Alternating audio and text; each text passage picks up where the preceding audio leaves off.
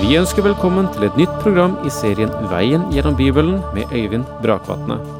Denne studieserien er produsert av P7 Kristen Riksradio og bygger på serien Through the Bible av Vernon McGee. I dag fortsetter vi med Peters andre brev.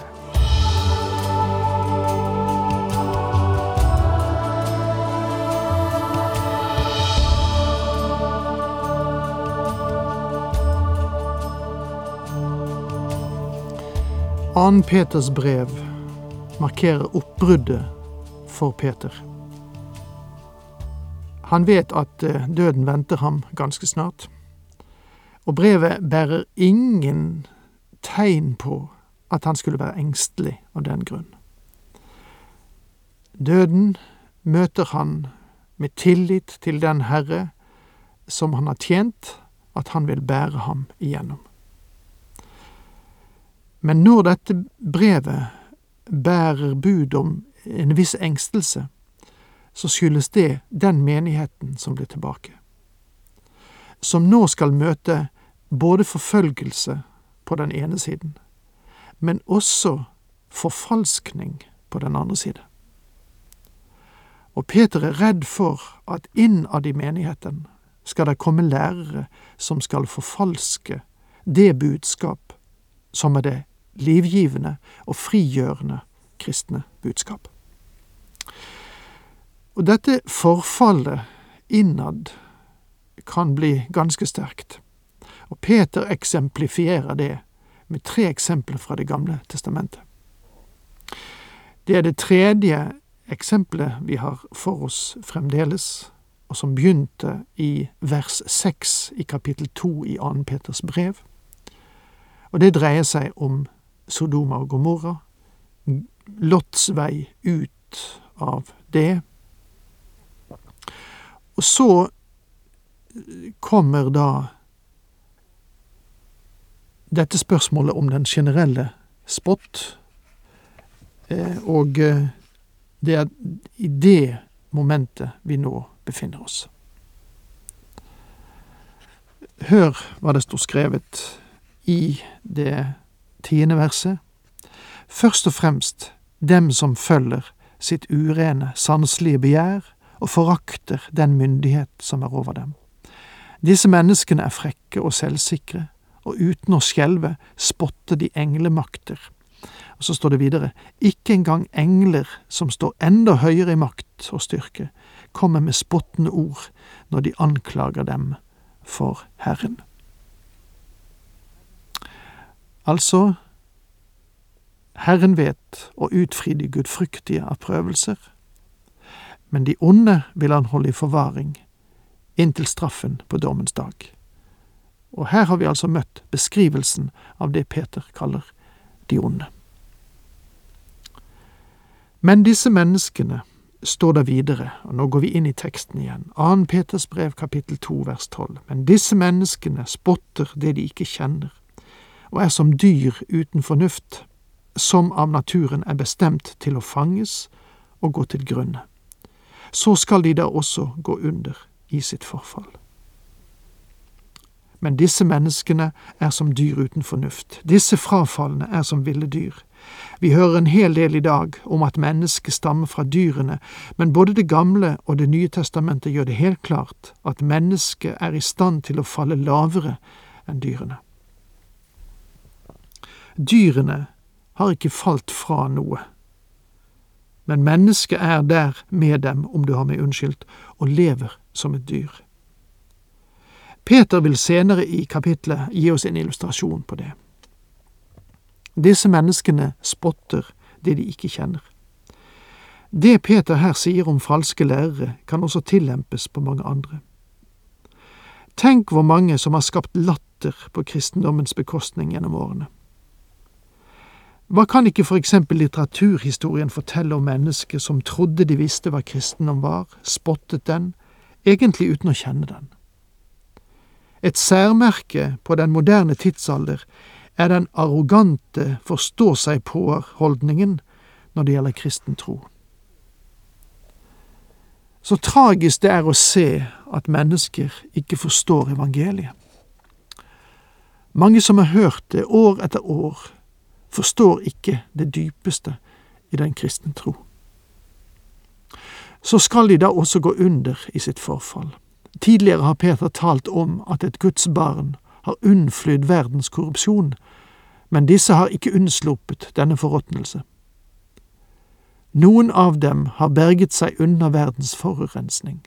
Med andre ord er det mange fortapte syndere som sier jeg vil ikke gjøre de ting som dette forsofne mennesket gjør. Og det ville de heller ikke gjøre. De har unnsluppet forurensningen, men de har ikke unnsluppet forråtnelsen. På utsiden er de religiøse.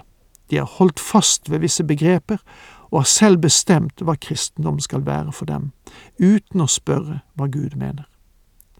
Deres hjerte er ikke rett med Gud, og det er dette Peter ser på som det korrupte hjertet, som mennesket egentlig ikke vil gjøre noe med. Og for lite ondt for det onde de har gjort. De nyter å svire ved høylys dag. Det er til skam og skjensel for dere når de spiser sammen med dere og sitter og fråtser, nytelsessyke som de er. I versene 13 og 14 ser vi i beskrivelsen av de frafalne den absolutte fordervelse i menneskehjertet. Når et menneske tenker galt, så vil det også handle galt, og det kan du ikke komme forbi. Det er mange mennesker som sier dette er mitt liv, jeg kan leve det nøyaktig som jeg selv vil. Og det er velkjent at vi er mennesker høyt oppe i vårt samfunn som i dag definitivt lever umoralsk. De har affærer med andre kvinner som ikke er deres ektefeller. Og det som interesserer dem mest av alt, er å pleie seg selv og sine egne lyster. Og de sier dette er min business. Mitt private liv er min egen sak. Mine venner, deres private liv er ikke deres egen sak så lenge de representerer oss andre, for ikke å si et helt land.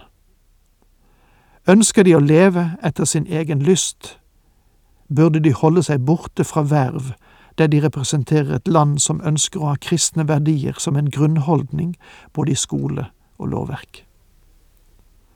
Vi ønsker kvinner og menn i ansvarsfulle stillinger som er ansvarlige, redelige, og som har en moralsk holdning som tåler lys.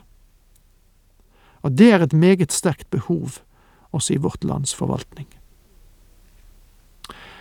De er stadig på utkikk etter skjøger og kan ikke få nok av synd. De forfører ubefestede sjeler, og de kan kunsten å karre til seg. Under forbannelse er de. Ja, jeg skal si at Peter ikke legger fingrene imellom når det gjelder falske lærere. De gjør seg skyldig i disse umoralske eksesser og tror at Gud vil se mellom fingrene med dem. For de har forlatt veien som går rett fram og er gått vill. De følger de samme spor som Biliam, Beors sønn, han som bare hadde syn for den lønn han kunne få for sin urett. Biliam blir nevnt tre ganger i de avsluttende skriftene her i Det nye testamentet. I 2. Peters brev er det Biliams vei det dreier seg om. I Juda brev er det Biliams villfarelse, og det er Biliams lære i åpenbaringsboken. Hver av disse tre ser Biliams situasjon fra forskjellige synsvinkler. Hva er da Biliams spor eller Biliams vei? Peter sier at han er sønn av Beor, han som bare hadde syn for den lønn han kunne få for sin urett. Biliam visste at han ikke skulle profetere mot Israel, men han elsket den økonomiske kompensasjonen han kunne få for det. Og derfor er Biliams spor begjær for den som gjør kristent arbeid for den personlige profittens skyld. Men han ble vist til rette for sin misgjerning. Et umelende esel talte med et menneskes stemme og stanset profeten i hans galskap. Peter sier at det var galskap det Biliam ga seg inn på, og et esel hadde bedre vett enn ham. En tidligere stortingspresident sa at i gamle dager var det et mirakel når et esel talte, Men i våre dager er det et mirakel hvis det tier stille. Dette eselet talte til Biliam og anklaget ham for hans pengebegjær og hans urett mot Israel for å tilfredsstille dette begjæret. Min venn, den religiøse sjarlatan kan vurderes ut ifra sin levestandard. Det er ikke det at en arbeider også i Guds rike er sin lønn verd, men det skal verken bety topplønn i samfunnssammenheng og heller ingen gylne fallskjermer. Det er lett å følge Biliams spor, begjær, men du verden så farlig det er. For Guds dom følger dette spor. Disse menn er som kilder uten vann og tåkedotter som virvler i vinden. Det dypeste mørket har de i vente. Det er ikke noe i veien med taleevnen for de menn som Peter omtaler her, men det er ingen kraft og intet liv i deres budskap. De kan være som vakre perlemorskyer, men de har lite vann for tørstig hjertejord. Det er ofte fantastisk å lytte til slike retoriske begavelser. De kan imponere og skape begeistring, men i sitt forråd hadde de lite av ordets kraft å bringe sin forsamling. Mennesket tørster dypest sett etter Guds ord, og de blir ikke utørst av noe mindre. For de taler store ord om tomme ting, og med sanselige lyster og utskeielser lokker de dem som nettopp har sluppet bort fra slike som lever i villfarelse. Her presenteres en religion som appellerer til øyet, en religion som appellerer til øret, og en religion som appellerer til andre sanser med. Og misforstå meg ikke, våre møter og gudstjenester er ofte for tørre, har for liten appell til hele mennesket, og det bør vi gjøre noe med. Men hjertet, menneskets dypeste personlighet, er ikke fornøyd og tilfreds med å pleie sine sanser. Hjertet lengter etter Gud, og bare Guds ord, båret ved Guds ånd, kan tilfredsstille det behov. Og med det må jeg si takk for nå, Herren med deg.